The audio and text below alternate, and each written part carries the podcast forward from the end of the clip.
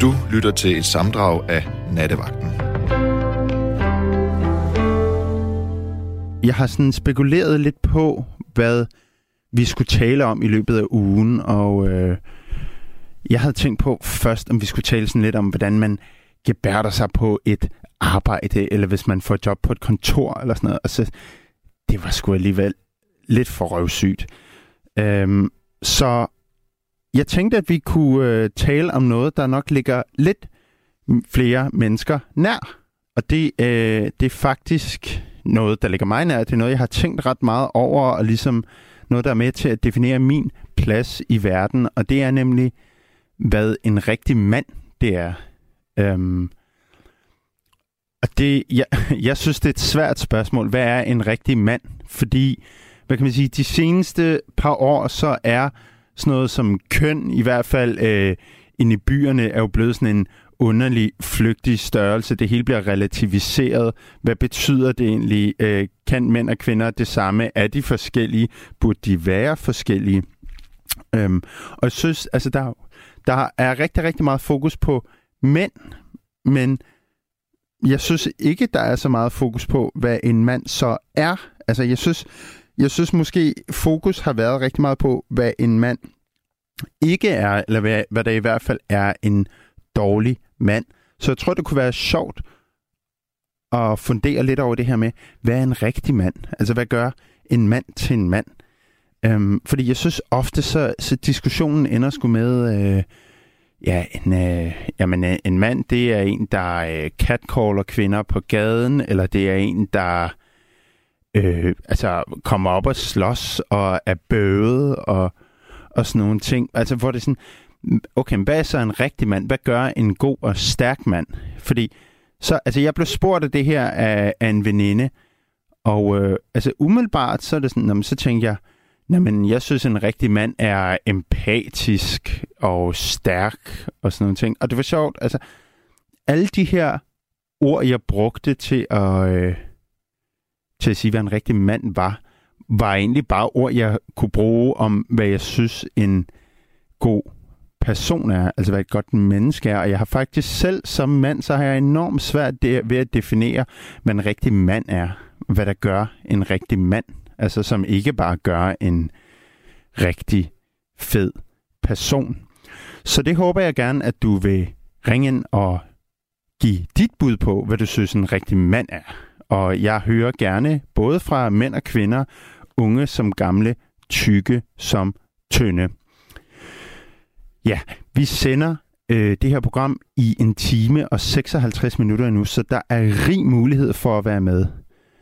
Øh, jeg har lige fået en sms fra en, der hedder David, der skriver sådan her. MeToo og krænkelse gør, at vi ikke tør at være mand.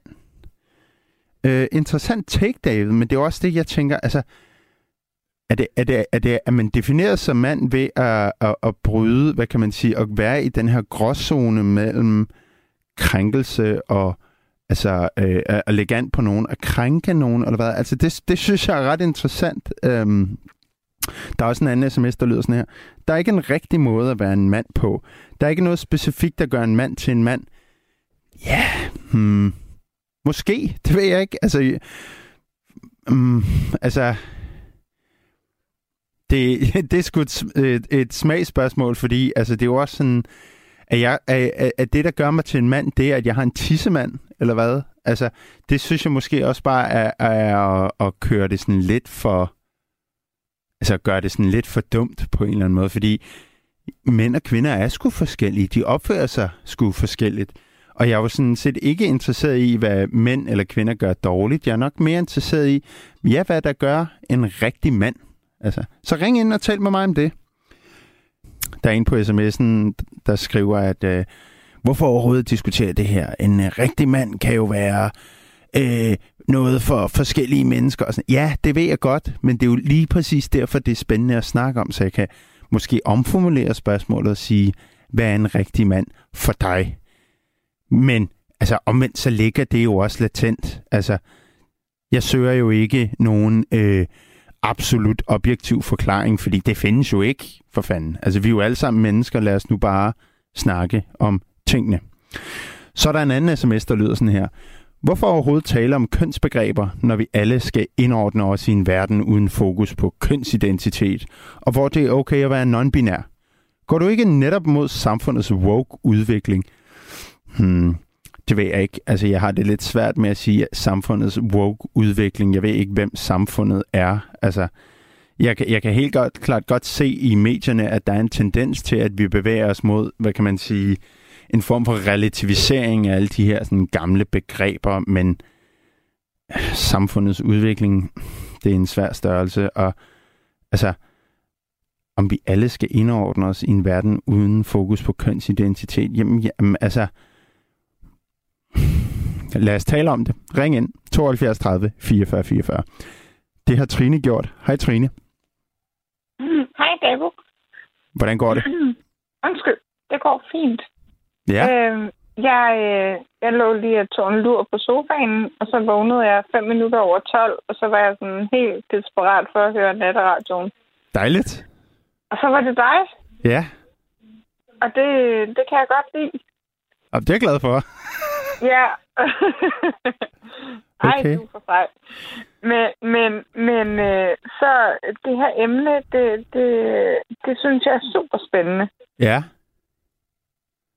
Fordi øh, i mit liv, med hensyn til at være mand, Ja.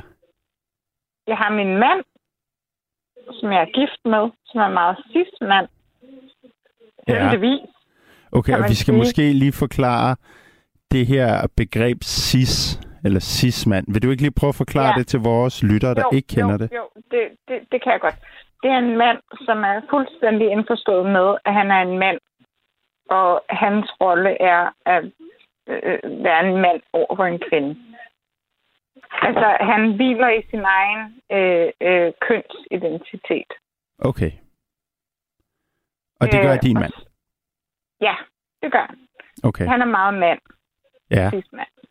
Hvordan er han meget mand? Øh, øh, altså, blandt andet ved at have giftet sig med en kvinde, som er mig, Ja. øh, og kun interesserer sig for, øh, altså, kun er tiltrukket af det kvindelige køn. Okay. Øh, ja. altså, det kan da godt være, at han synes, at nogle kvinder er smukke og sådan noget. Øh, og det er fint nok med mig. Øh, men han er kun interesseret i mig som et seksuelt objekt. Hmm. Uh, uh, Øh, mm, ja, okay. Andre betragter han som individer. Ja. Okay. Og Altså ud fra, hvad han selv siger til mig. i Okay. hvert fald. altså, så jeg kan jo høre, Trine, at hvad kan man sige, det lyder som om, at dit syn på ham som mand afhænger meget af det her med, øh, hvad kan man sige, seksualiteten, eller sådan hans drift mod kvinder. Ja, Altså det, det, at, det, at, det, det, det, det, det er at være cis-mand. Ja. okay. Øhm, Øh, ja, hvad siger du? men, men, men, men, ja, men så, så vil jeg bare, det er fordi, jeg har lige tre, jeg skal igennem. En gang til? Øh, øh, øh, jeg har lige, så, så har jeg også min homoseksuelle ven. Ja. Øh, han, jeg nævner ikke lige hans navn, men han betyder også meget for mig, og han er også drevet mod det maskuline. Mm. Øh, altså, han er homoseksuel, så det giver sig selv. Det er selv sagt, ikke også? At At han er drevet mod, at at han er drevet mod det maskuline, men han er stadigvæk en mand, og han betragter stadigvæk sig selv som en mand. Ja. Men han kan bare godt lide andre mænd, og det er der jo ikke noget galt med. Nej. Og så har vi øh, den tredje, jeg vil nævne, som er rigtig mandigt for mig. Det var Ja. min far, som har, øh, øh, som havde, min far er gået bort, øh, tre døtre, som han har passet på som en løvefar. Mm. Det er også en mand. Så du tænker, at hvad kan man sige, begrebet mand, det dækker også lidt over at have det her sådan beskyttergen. Det gør det. Okay. Øhm, Jeg blev ret interesseret i, at du også nævnte det her med din øh, øh, homoseksuelle ven. Altså, fordi du nævnte jo før med ja. din kæreste, at noget af det, der gør ham til en mand, det er jo det her mm. med, at han er øh, tiltrukket af kvinder. Øhm, men altså... Men der er jo flere aspekter i det ja, ja, lige præcis. at være mand. Lige præcis. Altså, øh, jeg har også mødt nogle øh, bøsser, som jo jeg vil betegne som enormt maskuline, ikke? Altså, Jo, øhm, du ved, store, er- for eksempel det- store det- pumpede mænd, der øh, med kunne øh, banke mig over hovedet øh, på ingen tid, hvis de gad, ikke? jo. Øhm, så, så, altså, så, så det her begreb med, hvad er en mand, og hvad, hvad dækker en mand, altså, det var også ligesom den sms, jeg læste op tidligere, det kan jo selvfølgelig dække mange ting, men jeg kan jo så omvendt også spørge, Trine, hvad er det, der ligesom gør, at du er tiltrukket af mænd?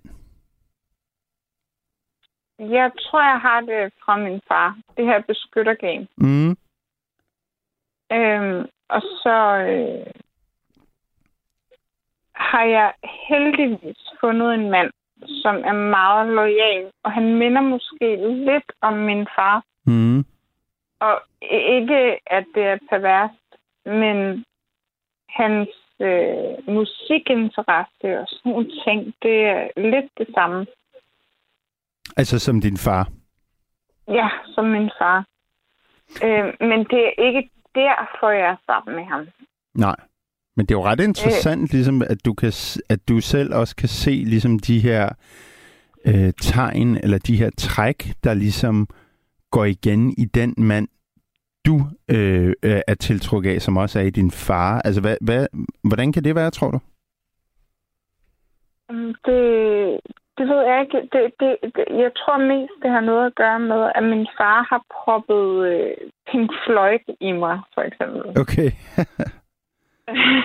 og, øh, og så møder jeg en mand, som elsker Pink Floyd, Dark Side of the Moon, og vi kan høre det til langt ud We natten don't need no... Ja, Øh, Education. ja præcis. ja. Men det er så fra The Wall, er det ikke det? Jo, det er for The Wall, det er rigtigt. Ja, men, men så, så bliver jeg bare fascineret af den her mand, fordi jeg har fået de her værdier fra min far, som ligger dybt inde i mig. Mm.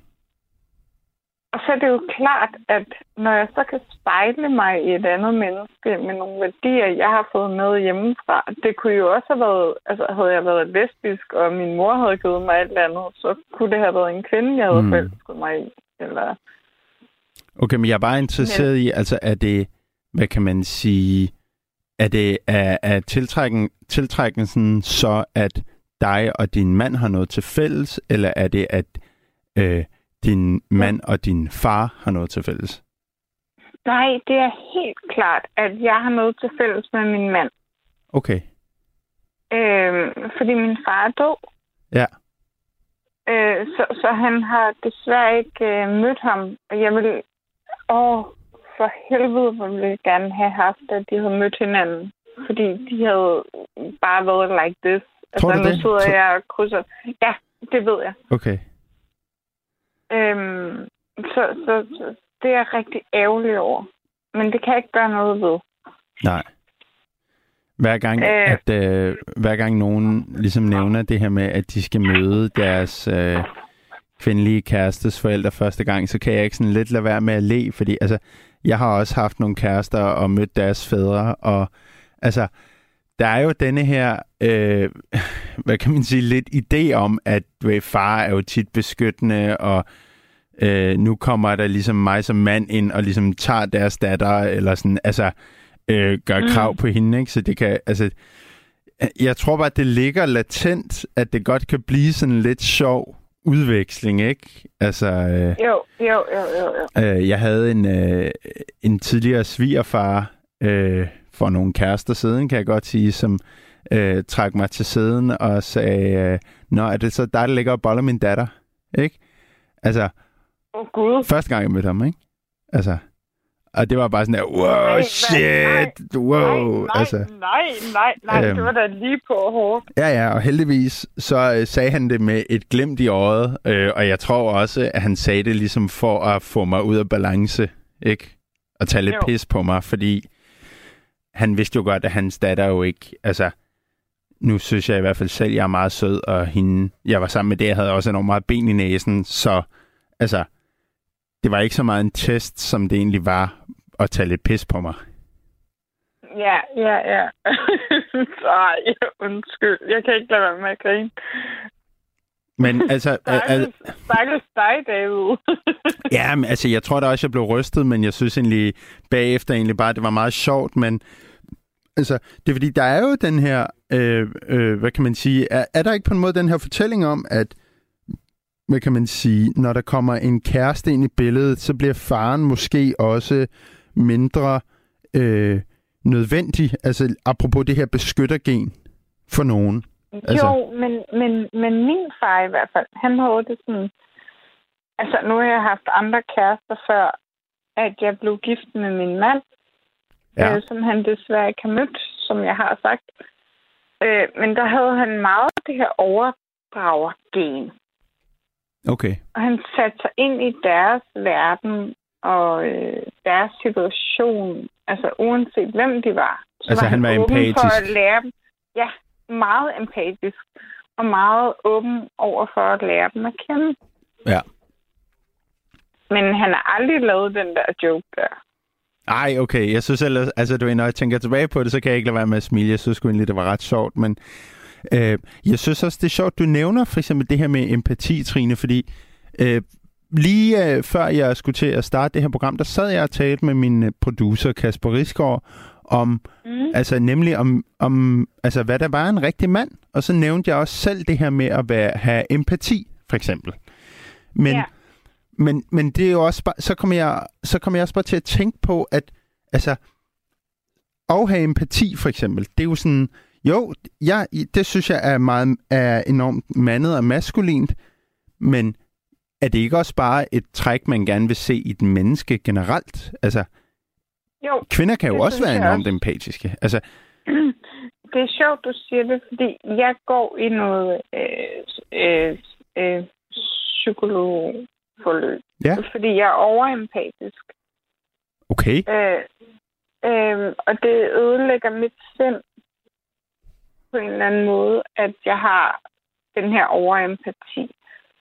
Øh, jeg kan ikke gå i gruppe øh, konsultationer og sådan noget, fordi så, så, så pådrager jeg mig andres øh, forstyrrelser ind i mit eget sind og sådan noget. Det er en lang forklaring, er det så, jeg gør meget altså kort du sætter dig meget i deres sted, eller hvordan? Ja, ja, og så tager jeg det på mig, og så bliver jeg ked af det, og så, øh, øh, så i stedet for at fokusere på mine egne problemer, så kommer jeg til at tænke på alle de andres problemer.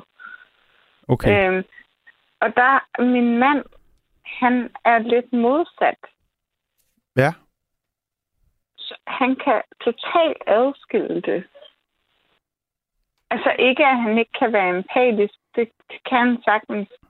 Øh, men, men, men, men han kan sagtens bare have sådan et totalt filter på. mm. Og det, det... Når jeg tænker på en mand, og jeg, eller ikke på en mand generelt, men, men på ham som mand, så er det noget mandigt for mig. Og det er noget, jeg kan lære af.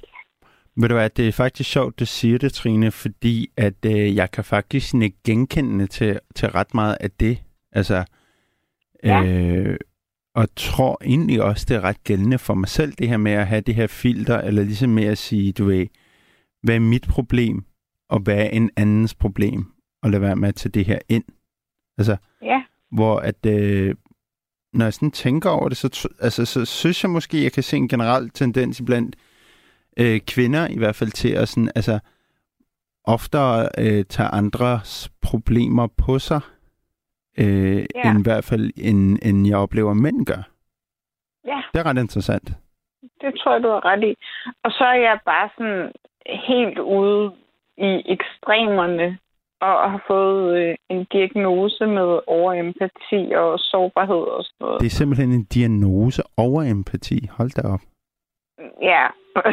Men det må da også være enormt, øh, altså, enormt belastende at skulle, altså, ikke engang med vilje, men at gå og, og, og trække andres, hvad kan man sige, lidelser og problemer ind på sig selv. Det må da være enormt hårdt. Det er super hårdt. Er det noget, man kan få behandling for? Øh, ja, det er jeg i gang nu. Okay, men det er så ikke i gruppeterapi, kan jeg forstå? Nej, det, det er det ikke. Okay. Jeg har fået en særlig øh, kontaktperson, som kommer hjem til mig. Nå, hvor fint. Ja. Men altså, det, Øh. det, er jo, det er jo sjovt, fordi jeg har, jeg har selv gået i gruppeterapi og i almindelig terapi, og, og det er jo egentlig ærgerligt, fordi jeg synes jo for eksempel sådan noget som gruppeterapi, det kunne give mig enormt meget. Øh, og så er det jo bare ærgerligt, at, hvad kan man sige, den mulighed ligesom er off limits. Ja, men altså, jeg har prøvet det, og øh, jeg, jeg knækkede fuldstændig. Fordi det eneste, jeg kunne tænke på om aftenen og drømme om om natten og sådan noget, det var de andres problemer. Og jeg ville løse det hele for dem, og øh, sådan, nej, og det, det kan jeg jo ikke. Ja. Øhm, der er en sms fra en, der hedder Emilia her, der siger øh, til Trine, du er sød, og man kan ikke være for empatisk. Er du enig i det? Øh, Altså ikke søddelen, men måske delen om, at man ikke kan være for empatisk. Øh, mm, jeg er enig med hende, men, men og så alligevel ikke, fordi altså, jeg har jo oplevet på min egen krop, at jeg har været for empatisk.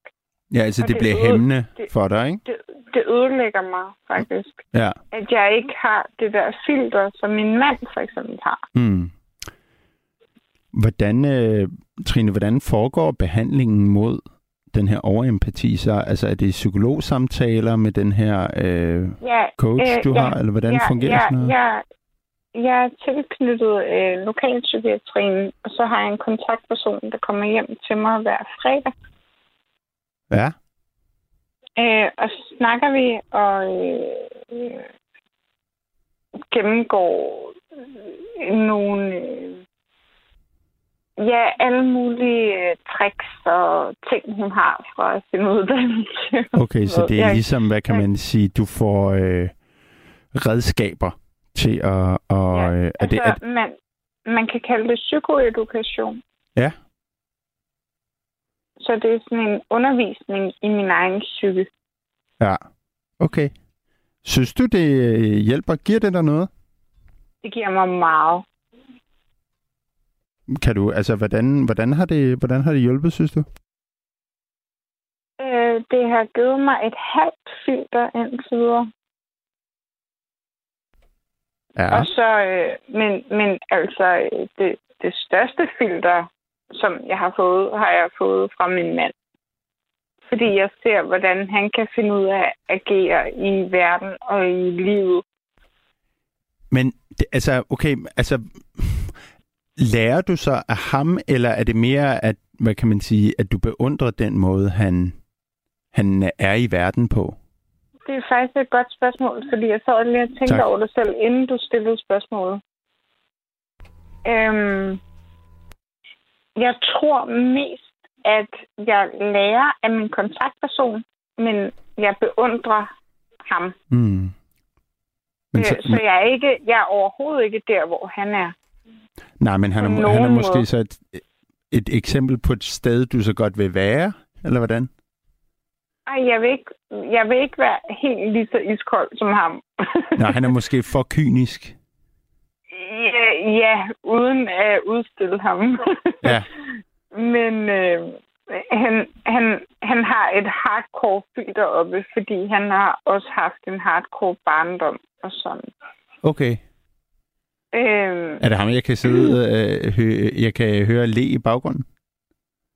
nej, det er mig, der lærer. Okay. Jeg sidder inde i soveværelset, han sidder, jeg har lukket døren. Nå, Så for du søren. burde, ikke, du burde ikke kunne høre noget. Okay. Men han, han, han har udviklet sig sådan et øh, filter, og jeg har så ikke noget filter. Mm. Og det, det, så, så prøver vi sådan at finde en balance mellem os øh, sammen, øh, så, så vi kan øh, komme sammen gennem livet. Mm. Men det er jo også sjovt, at, at, altså det her med, det synes jeg i hvert fald ofte, jeg ser med, med mænd, der har haft en, uh, en hård barndom, altså at de udvikler den her skal, eller den her form for, for kynisme mod, Ja. mod verden. Altså de ligesom, de ligesom er i stand til at sige, øh, jeg bekymrer mig om det, der rager mig, og ellers er jeg ligeglad. Altså det er også, jeg synes tit, det træk, man ser i mænd, også når de rammer sådan omkring 60-65 år, altså, så er de ofte enormt meget i stand til at sige, øh, når jeg er skide ligeglad med, øh, det ved jeg ikke, politik Men- men- for eksempel, eller ting, der ikke direkte påvirker dem, ikke? Men det, du siger lige nu, det er fuldstændig korrekt. Det er sådan, han er. Øhm, men jeg er med til, fordi jeg er den fuldstændig modsatte, så jeg er med til at blødgøre ham. Okay. Og han er med til at give mig en mere filter, og jeg er med til at nedbryde hans filter. Og kan han ligesom, Så- altså tager han det så, hvad kan man sige, det du bringer med for, hvad det er, eller ryster han på hovedet af det? Hej, han er fuldstændig med på, hvor jeg er, og han er med til alle mine psykologsamtaler, og, øh, og han er med, når min kontaktperson er herhjemme, og jeg er med, når han skal nogle ting, og sådan, så vi ligesom finder en balance. Okay.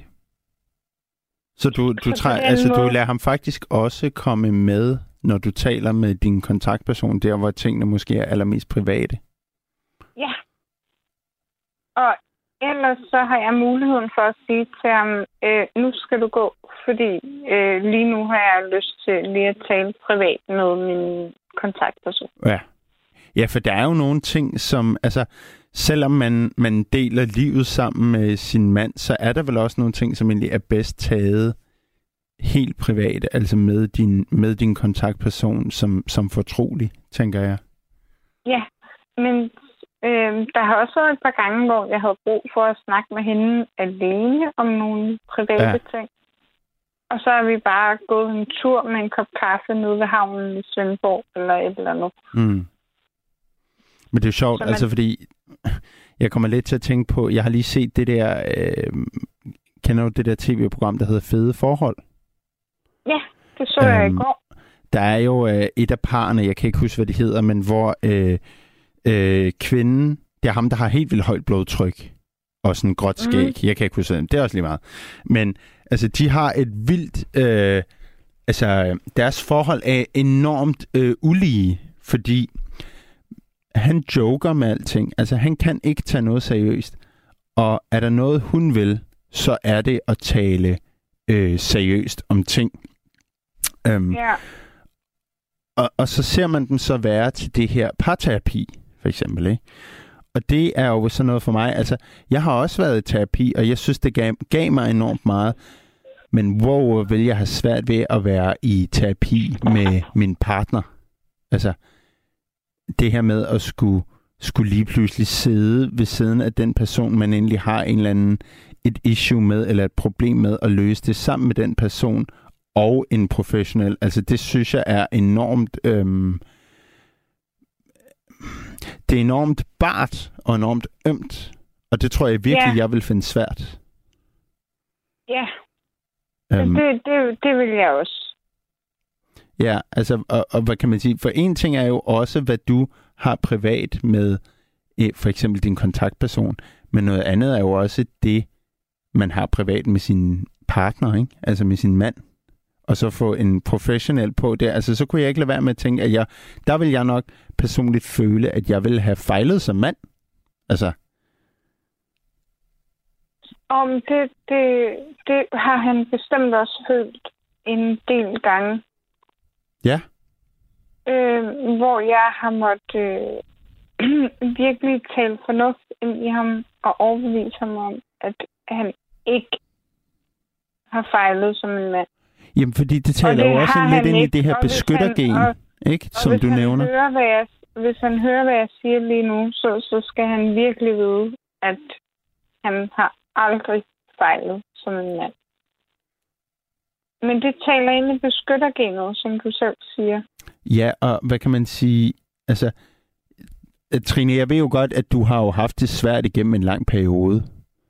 Øh, også, Mm. før, også før du mødte din mand. Øh, så så altså, kan det ikke også frustrere ham, at han ikke er i stand til, hvad kan man sige, altså, at der er nødt til at, at være nogle professionelle, der, hvad kan man sige, skal beskytte dig eller hjælpe dig, og han ikke bare kan gøre det. Altså, det taler jo, Jo. jo vel lige imod hans drift, eller hvad man siger. Ja, det kan jeg forestille mig. Og det må have været hårdt for ham. Øh, ligesom det har været hårdt for mig ikke at kunne beskytte ham fuldt ud. Ikke? Mm. Men, men når vi nu taler om mænd, så kunne jeg forestille mig, at han har følt sig øh, smule mindre mand, fordi han ikke har kunne redde mig, Mm. øh, da jeg havde det aller værst. Øh, men han har jo været en kæmpe hjælp. Fordi havde han ikke været der, så havde jeg heller ikke kunne stå på mine ben i Mm. dag, som jeg gør. Øh, så så, så den, den blanding mellem psykiatrien, jeg har været i, og ham, det, det, det er jo det, jeg gør. Det er det, der gør, at jeg står her den dag i dag. Ja, det er jo havde, ikke han den... ikke, havde han ikke været der, så havde jeg ikke stået på mine ben den dag i dag. Okay, så det hvad kan man sige, det er ikke kun din mand, og det er ikke kun syg, men de to ting sammen er ligesom Det- en del af en større helhed. Ja, lige præcis. Om det er dejligt at høre. Jeg har lige fået en sms fra Ina, der lyder sådan her, må jeg spørge, hvad nattens emne er? Og der kan jeg jo lige sige til de andre lyttere derude, vi taler om, hvad en rigtig mand er. Hvad er en rigtig mand? Og det lyder jo, Trine, på dig som om, at din mand er en rigtig mand. Han er en rigtig mand. Dejligt. Trine, Og jeg elsker ham meget, meget højt. Trine, tusind tak, fordi du ringede ind. Det var en fornøjelse at tale med dig. Ja, tak fordi, at jeg måtte komme igennem. Selvfølgelig. Hils. Jeg hilser ham. Det er godt. Hej. Hej, David. Vi har Mathilde med om et øjeblik. Jeg læser lige hurtigt nogle flere sms'er op, for der er nemlig kommet rigtig mange gode. Jeg synes bare, I skal blive ved med at sende dem ind til nummeret 1424. Jeg læser i hvert fald dem alle sammen. Der er en, der lyder sådan her. Hej. Omsorgsgen er vel typisk kvinder fra naturens side. Hvis mænd tidligere var jægere, kunne de jo ikke stå og vræle, når et dyr skulle dræbes. Ja, jo, ja, jo, det kan man jo godt sige. Så er der en, der lyder sådan her, den er fra Jens. Øhm, en rigtig mand kan opdrage sin kone, så han kan styre hende, og det vil gøre dem lykkelige. Jamen, det er jo sjovt, at, øh, at du, du skriver det, Jens, fordi altså, jeg må indrømme personligt, så de kvinder, jeg godt kan lide, det er sgu sådan nogen, der er i stand til at styre sig selv, eller ligesom, ja, jeg kan godt lide kvinder med ben i næsen, altså der ikke har brug for en mand, der ligesom beskytter dem. Men sådan er vi jo alle sammen så forskellige. Ja. Det her, det er nattevagten på Radio 4. Vi taler i nat om, hvad en rigtig mand er. Jeg hedder David Vestergaard, og ude i teknikken, der sidder den gode Kasper Risgaard, og vi sidder her indtil klokken 2. Så ring ind og vær med på telefonnummeret 72 30 44 44. Og Mathilde, du er med. Ja, hej. Hej. Hvordan går det? det er mig, der stiller spørgsmålene her. Hvordan går det? Jamen, jeg er vant til, at du spørger mig om det, og så var det bare pinligt pause. Ja, ja, ja. Jeg i dag. Jeg tester dig. Nå, men jeg kan i hvert fald sige, at det går rigtig godt. Jeg er, øh, jeg er lidt træt. Jeg har stået tidligt op hele den her uge, og det kan jeg mærke øh, går mig på nu. Men jeg glæder mig til at komme ind og tale om det her emne, fordi at det er så uudtømmeligt, fordi at det betyder noget forskelligt for alle, hvad en, øh, hvad en rigtig mand er. Og det er også, øh, altså det er ligesom, det kan sætte alle menneskers pis i kog, ikke? Altså det er ligesom at tale om indvandrere i radioen, så der kommer altid sindssyg lytterstorm, når man gør det. Og jeg får også virkelig Det må mange sige en sms'er. rigtig mand i dag, det svarer vel næsten til at sige perker. Altså, du må jo ikke gå ind Mm, tale om, at mænd er på en bestemt måde, og at det er jo hele den der kønsidentificering. Det er jo nærmest et skældsord. Jamen, altså, det, åh, jeg synes, jeg har så svært ved det, fordi jeg ser det også bare sådan lidt som sådan noget øh, shadowboxing, ikke? Altså, at den her, den her storm, der er mange, der snakker om, at den her sådan wokeisme, eller altså hele den her non-binære snak, at det er sådan noget, der, ruller med ind, der er ved at rulle ind over Danmark, og jeg har bare sådan, jeg må sgu indrømme, jeg har lidt svært ved at se det. Altså, vi sidder jo på landstækkende radio lige nu og taler om, hvad fanden en rigtig mand er. Det er da ikke så non-binært, eller hvad? Nej, det er måske også det der er problemet. Vil du kunne stille dig ind i morgen for eksempel, der tænker jeg også, du har vagt os at sige, i nat der skal vi snakke om, hvordan I har det med alle perkerne her i samfundet. Det vil du jo ikke kunne stille dig ind og sige. Og Det må vi Jamen, heller ikke. det, jeg- jeg vil så også sige, at perker er et skældsord. Det er mand jo ikke endnu. Nej, men Aha. en rigtig mand, så går du ind og definerer nogle samfundsnormer af, at der ligger en eller anden forventning om, at mænd er på en bestemt måde, og det er lidt... Altså, når du selv vælger at bruge det ord, så, så synes jeg også, du er med til at placere det i en bestemt bås. Jo, men helt klart, helt klart. Altså, det er jeg jo også. Og det, men det er jo også... Altså, jeg, har, jeg tror også, jeg har den antagelse af, at, at en rigtig mand er noget, er noget forskelligt for alle mennesker, men, men mange mennesker også har en idé om, hvad det vil sige at være en rigtig mand. Og jeg, altså, man kan jo sige, hvis jeg søgte et endeligt svar, så ville svaret jo være, når man en rigtig mand er jo noget forskelligt for hver person derude. Men det er jo nemlig lige præcis det, der jeg synes, der er spændende. Så jeg vil jo godt høre, hvad for eksempel en rigtig mand er for dig. Ja. Så hvad er en rigtig mand for øh, dig? Lige på afslutningen der, altså, Ja. jeg tænker, det er jo ikke sandsynligt, at der er nogen, der ringer ind og siger, jamen en rigtig mand, det kan være hvad som helst. Så det kan også være en kvinde, som øh, en biologisk kvinde, som i virkeligheden føler sig som en mand. Hmm. Fordi det er ikke det segment, vi har her, så jeg synes bare, det indsnævrer debatten helt vildt. Og jeg er slet ikke en del af det der Vogue-segment. Det er totalt gammeldags. Hmm. For det jeg er imod hele den der normstormbevægelse. Okay. Og hvad er det, hvad er det normstormerne er? Jamen, det er den her forening, som tager ud og underviser folkeskoleelever i Københavns Kommune og Aarhus Kommune, hvor de underviser i en meget venstrefløjsaktiv retorik, og de indrømmer også selv, at de har en politisk agenda, men øh, udad til, der skal det jo se ud, som om de har det her fokus med på kønsidentitet, og at man ikke skal føle sig forkert og gå ind og rummer de her minoritet, minoritetsgrupper for at fremme trivselen i klasserummet. Så de stormer normerne, ligesom. Ja, lige præcis. Øh, Og så har de jo så haft det her, eller det her hemmelighedsholdte undervisningsmateriale, som jo så lige er kommet frem nu her efter længere tids kritik, og som jo er rimelig kritisabelt. Okay, jeg har ikke, øh, jeg har ikke helt læst, hvad der er inde i det, men det har du. Øh, Jeg har læst øh, hovedpunkter i det.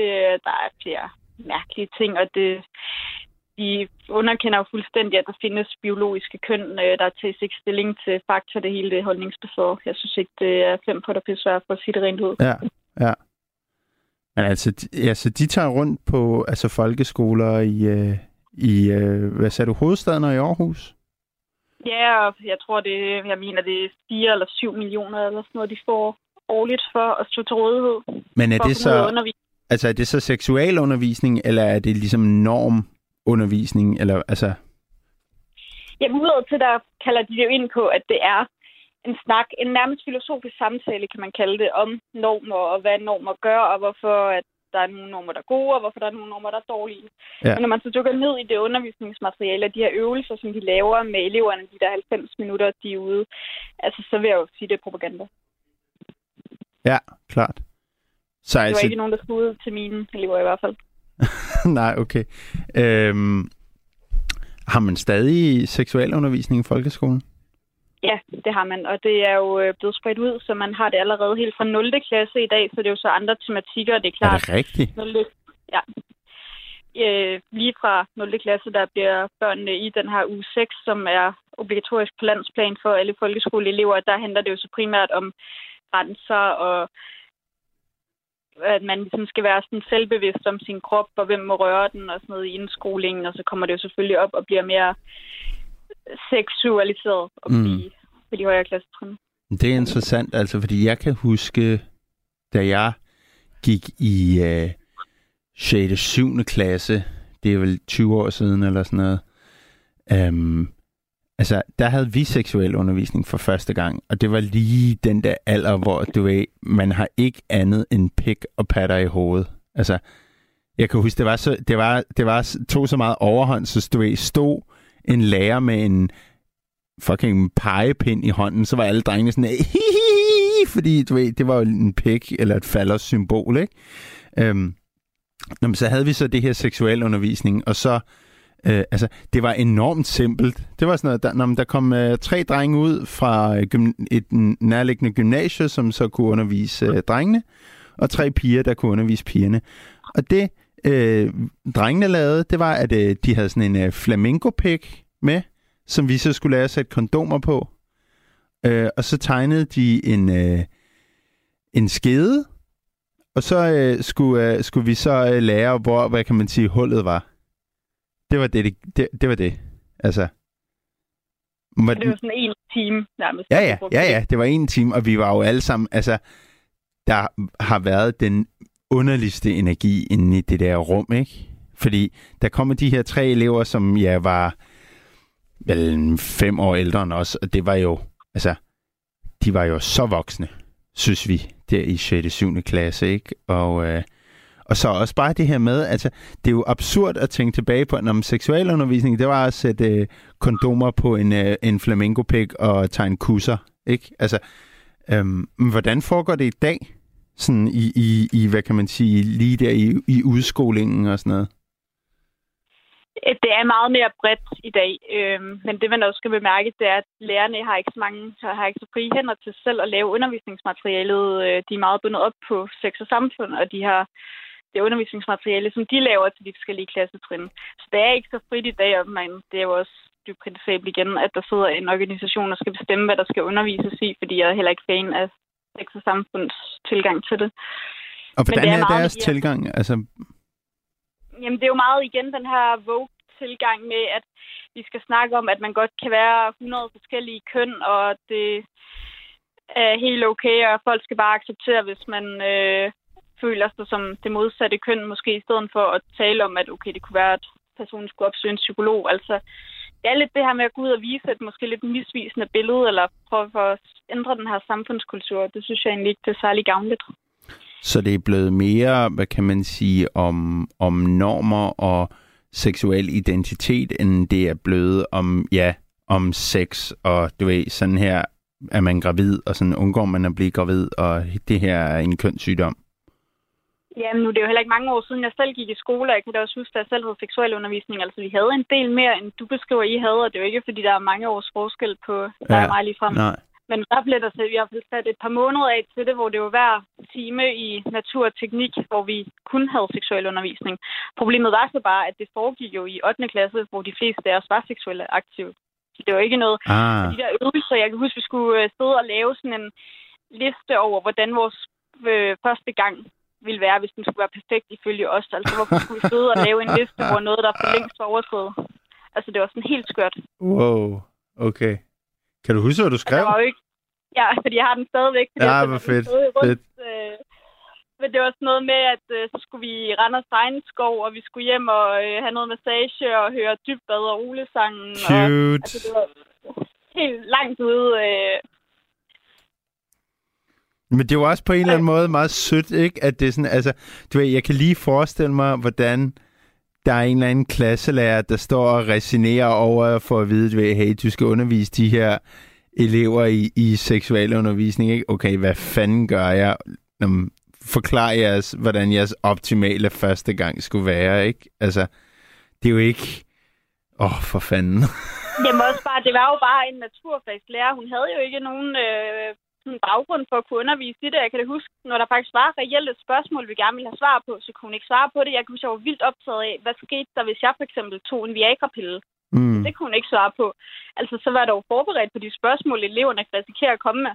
Men der er det vel meget smart, at man så får det her undervisningsmateriale fra, fra sex og samfund, er det ikke det? Altså fordi, ja, lærere skal jo udfylde enormt mange roller, men man tænker vel også umiddelbart på lærerseminaret, at altså at være seksuel vejleder er vel ikke en af dem, eller sådan den, man prioriterer højst? Nej, men der er altså sådan nogle specialiseringskurser på, øh, det var der i hvert fald på mit lærersemiнаrie, hvor man kunne sådan gå dybere ned i at uddanne sig til at blive seksuel vejleder. Okay. Og det tog jeg så ikke selv, så jeg ved ikke helt præcis, hvad det er, de har været igennem der. Men det har været øh, ret godt, kunne jeg forstå på dem, af mine medstudenter, der tog det. Okay. Øhm, Mathilde, nu nævnte du før, at øh, du øh, ikke synes, at den her wokeisme er fem potter pis værd. Øhm, og så kommer jeg lidt til at tænke på igen øh, nattens emne, som så er, altså hvad er en rigtig mand, ikke? Øhm, så hvad er en rigtig mand for dig? Jamen, jeg kan huske, øh, en gang jeg var igennem her, så talte jeg med Rikke Groselle, og jeg kan ikke huske, hvad emnet var, men jeg kan huske, at jeg fik sagt, at det var vildt vigtigt for mig, at manden han påtog sig sådan nogle mandeopgaver, som at det altid var ham, der skulle køre bil, og jeg kunne aldrig, altså, jeg ville aldrig kunne være i et forhold, hvor det var mig, der skulle køre bilen, og Mm. stå for de der mandeopgaver, og det var hun meget farvet over. Nå, Men det er sådan noget, jeg synes, det er så ufeminint. Hvis det er en kvinde, der skal køre bilen, der er bare sådan nogle ting, at det er manden, der er den der tryghedsperson, og han må ikke være for svag. Altså, det mest usexede, det er en mand, der er syg. Fordi så er det lige pludselig mig, der står og har vagten. Det kan jeg slet ikke være i. nej. Men det er jo, okay, det synes jeg er ret interessant, fordi øhm, altså, mit umiddelbare spørgsmål, det vil jo også være, øh, græde, ikke? Altså, fordi jeg tænker da umiddelbart, at der også, for eksempel i sådan noget som at græde, som jo på en eller anden måde er at vise svaghed, er det så ikke også enormt stærkt at kunne vise det? Eller hvad tænker du om det? Øh, nej, jeg synes, det er ret usexet. Hvis man græder? Ja. Ja. Altså, det kan jo godt være sødt og sådan noget, men det er ikke, sådan, det er ikke noget, jeg forbinder med en mand, jeg vil have en intim relation til. Hvis det er en, jeg har en platonisk relation til, så er det helt fint. Så er det jo kun sødt, at han kan græde og vise følelser. Og jeg bestod også selv at begynde at græde, når jeg ser Joachim Mæle græde under EM. Men, øh, men så snart, at det bliver en relation, der ikke er platonisk, så, øh, så synes jeg ikke længere, at det er så sødt, at han græder. Okay, øhm, så kommer jeg til at tænke på, ham der vandt øh, Tour de France, hvad fanden var det, han hed? Jonas Vingegaard. I Jonas Vingegaard, da han græd op på podiet, var det umandigt? Ja, lidt. Det var synes det jeg. Okay. Jamen, det er jo Men sjovt, jeg altså, fordi... Ja, ja. forstoppet holdning om, at det kun kan være øh, mænd, der for eksempel, altså i min idealverden, der ville det kun være mænd, for eksempel, der sad inde i Folketinget, og det kunne kun være mænd, der har de her lederposter og sådan noget. Netop fordi jeg synes bare, at det, altså, kvinder, de har for mange følelser, og det synes jeg bare ikke, det kommer man ingen vegne med. Altså, så du tænker, at, hvad kan man sige, det burde være mænd, der ligesom... Altså, mænd er lidt mere cool, calm and collected, altså til at kunne for eksempel bestride vigtige poster. Ja, også bare, at altså, det giver sådan en ansvarsfølelse på en eller anden måde, og det synes jeg sgu også er meget trygt, at så længe personen ikke græder, jamen, så har personen kontrollen og styringen, og så skal jeg egentlig bare slappe af og være til, fordi så er der ikke så mange bekymringer, jeg selv skal tage mig. Og hvis en mand så viser svaghed og græder, eller en hvilken som helst person, altså så mister man en del af den kontrol. Okay, men altså, hvad så for eksempel, som, som nu nævnte du det her med, at altså, du så måske helst, at det var mænd, der var ledere, altså i, i, i Folketinget og så videre. Øhm, altså, er det, er det fordi kvinder er mere emotionelt styret? Ja, altså, jeg tror netop også, når de er så styret af følelser, så er vi måske ikke så gode til at tænke rationelt altid. Det tror jeg bare kommer til at påvirke mange beslutninger. Ja.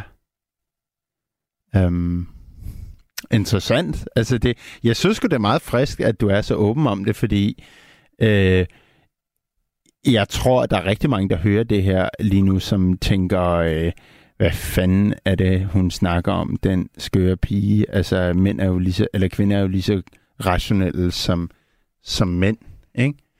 Øhm, og, Men altså, altså, jeg kan jo også kunne tale på egne vegne. ja, ja, ja, Altså, men lige præcis, lige Der præcis. er programmer med børnene på sjælsmark og sådan noget. Altså, jeg begynder også at græde og bliver påvirket af det, og det er da synd, og de skal da ikke ud af landet alligevel og sådan noget. Men rent rationelt kan jeg jo godt se, at okay, der er en grund til, at de skal sendes ud. Vi har ikke plads til alle de her mennesker i Danmark. Altså, men hvis jeg skulle tage beslutningen lige i det øjeblik, jeg sidder og ser det, så vil jeg jo sige, at jeg bliver dog blive, fordi jeg bliver så følelsesmæssigt påvirket af det. Altså, det er jo bare ikke der, de rationelle beslutninger, de opstår. Mm. Og der tænker du altså, der er mænd bedre til at kunne, kunne separere deres, deres øh, følelsesliv fra deres rationale? I hvert fald de mænd, jeg har omkring mig, der øh, synes jeg, de er væsentligt mere rationelle end Mm. de kvinder, jeg har omkring mig. Ja. Øhm, Men ja, det er jo også lidt sjovt nu, Trine, vi havde igennem før, hun nævnte jo også, øh, at noget af det, som øh, hun fandt enormt mandigt, det var det her øh, beskyttergen. Ikke? Altså, øh, at, at hendes mand ligesom kunne være hendes klippe. Og det lyder også lidt som om, at det er noget, du ligesom sætter ret meget pris på ved en rigtig mand. Ja, 100 procent. Øhm, og, og det kan godt være, at jeg spørger lidt sådan provokerende lige nu, men har du brug for at blive beskyttet så? Altså, øhm, altså hvad, hvad er det, det giver dig at have en, øh, en, en beskytter mand? Men det er jo sjovt, fordi det er jo så lidt den der pendant til det. Det får mig til at føle mig feminin, når der er en mand, der gerne vil passe på ah, mig. Og, ja, ja, ja. ja. Fordi jeg, jeg føler mig sgu ikke, og det er også derfor, jeg overhovedet kan sætte mig ind i den der vogue-tankegang, fordi jeg kan ikke sige, at jeg føler mig som en kvinde eller en mand eller noget som helst. Altså jeg er til, jeg ved, jeg er en kvinde, der er ikke så meget med, hvordan jeg føler. Men jeg føler mig virkelig feminin, når der er en mand, der viser, at han passer på mig. Ja. Ja, okay. Ja, okay. Så, du, så du tænker faktisk, at det er med til at ligesom bekræfte dig i at være dig?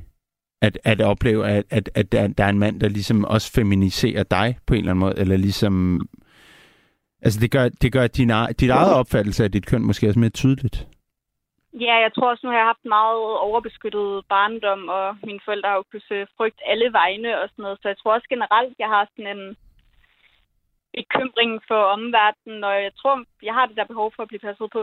Jamen, det er jo også det er jo sjovt. Det er jo lidt ligesom Trine sagde, ikke? Det her med, at altså, øh, ret mange af, af de træk, hendes far havde, går også øh, igen i, i de mænd, hun søger, eller i hvert fald den mand, hun, hun er gift med den dag i dag. Er det også noget, du kan se, når du dater? Altså, at det... Øh, at du lidt, øh, hvad kan man sige, går efter det, du selv er vokset op med?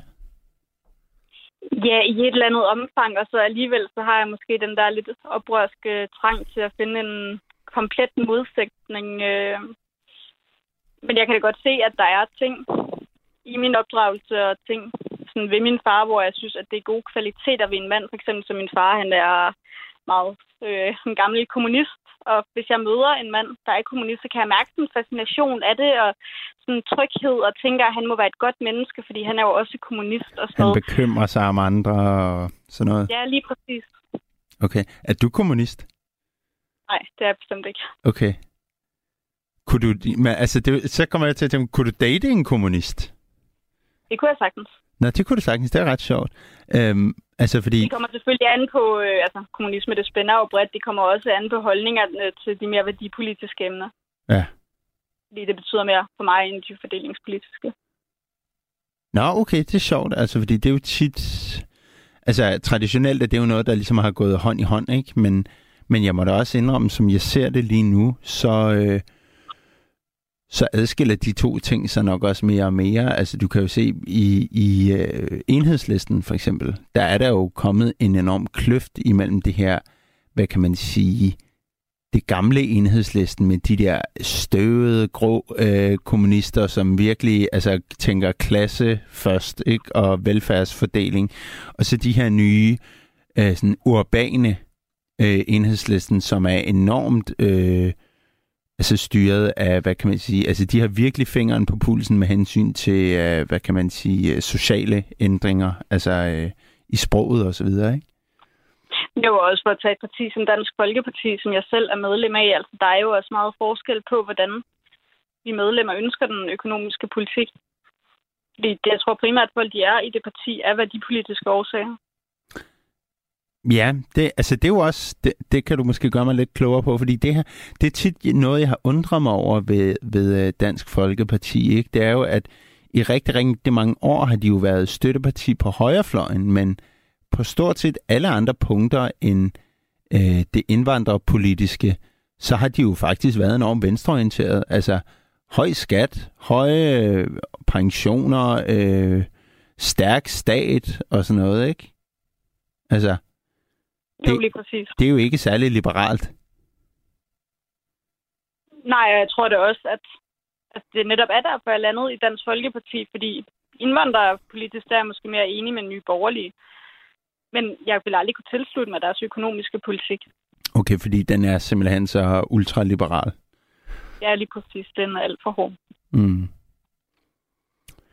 Øh, der er kommet en sms. Jeg ved ikke, om jeg skulle, øh, skulle læse den op for dig, men nu gør jeg det altså alligevel. Der er en, der skriver sådan her. Jeg synes, at Mathilde er helt forfærdelig at høre på med de holdninger, at mænd er mere rationelle, og de er foretrække i Folketinget. Øhm, og jeg kom lidt til at tænke på, Mathilde, er det, øh, altså, øh, nu, nu kommer jeg til at spørge ret bøde, men er, går, altså, er, er det noget, du flager åbent, altså dit syn på de her ting? Fordi man kan jo sige, i forhold til mange andre unge mennesker, så er det jo sådan ret radikalt at tænke, altså, altså, at det mere burde være mænd, der sad øh, i lederstillinger, ikke? Altså, at... Jo, altså nu ringer jeg jo ind til et offentligt radioprogram, der bliver spillet i hele Danmark, så det er jo, mm. jeg er selvfølgelig flager åben med det. Det er ikke noget, jeg holder skjult, men jeg er også godt, altså, jeg ved heller ikke, hvor fedt jeg vil være, hvis det kom ud i praksis, mm. at, mm. Øh, der, at det kunne være mænd i Folketinget, men jeg synes, at eksperimentet kunne være meget sjovt. Jeg vil gerne se, hvilken udvikling det kunne skabe. Ja.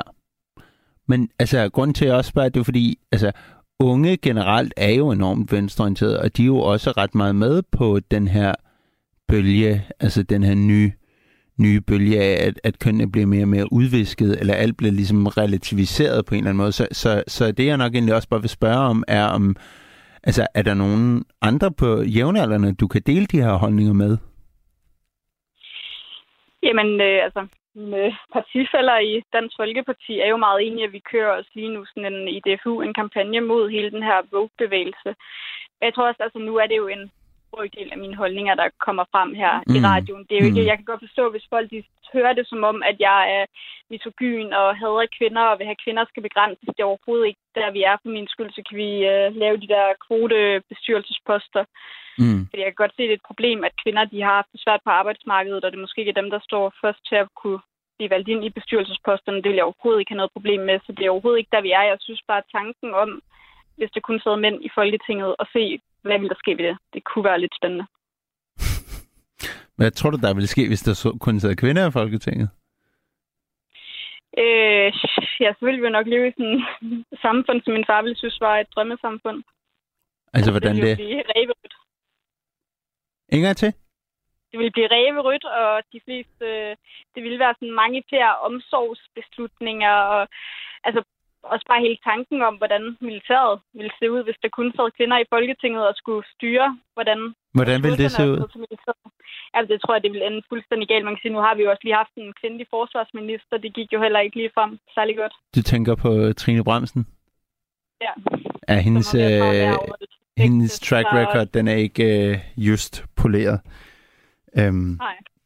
Men det er jo egentlig sjovt, fordi, hvad kan man sige... Øh, Altså lige nu har vi jo en kvindelig statsminister, og to ud af fem partier på højrefløjen er jo ledet af kvinder.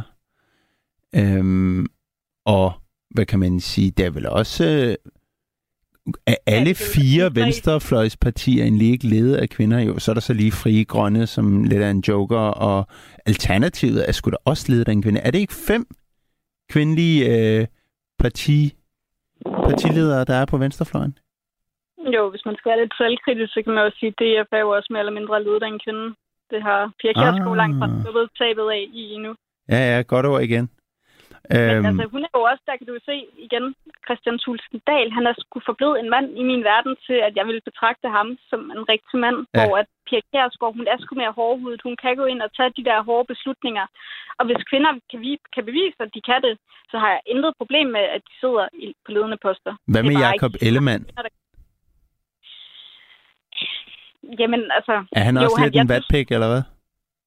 Nej, det synes jeg ikke. Jeg synes bare rent politisk, han virker øh, ikke som en, der har så meget at byde ind med. Han blev ved med at tale om, øh, da han var med i militæret, og det er så meget de samme gamle anekdoter, og prøver lidt jokes ud af for mange ting. Der er ikke den der alvorlighed, som, som jeg godt kunne tænke mig. Okay.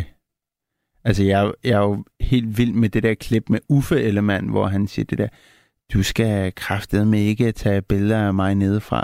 Altså, Øh, det tror jeg ikke, hans, hans søn kunne finde på at sige. Nej, men der var jo den der sag med hans søn, og øh, det her med bacon. Hvad var det for en, hvad var det, det for en var, sag? Øh, jeg tror, det var til Folketingets åbning, hvor Veganerpartiet, inden at de fik øh, vælgererklæringer nok til at kunne stille op, så stod de og prøvede at skaffe nogle vælgererklæringer. Og så prøver de så efter ham, hvad han synes om et eller andet med noget med noget aflivning af svin, hvor han siger, øh, jeg kan understrege nok, hvor højt jeg elsker bacon. ja.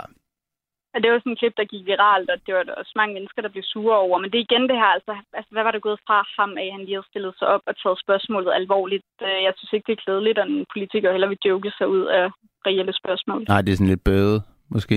Ja, lige præcis. Mm. Mathilde, jeg vil sige tak, fordi at, øh, du ringede ind. Det var enormt interessant at tale med dig. Ja, men velbekomme. Tilbage er der kun at sige tusind tak til Kasper, der producerede, og sov rigtig godt.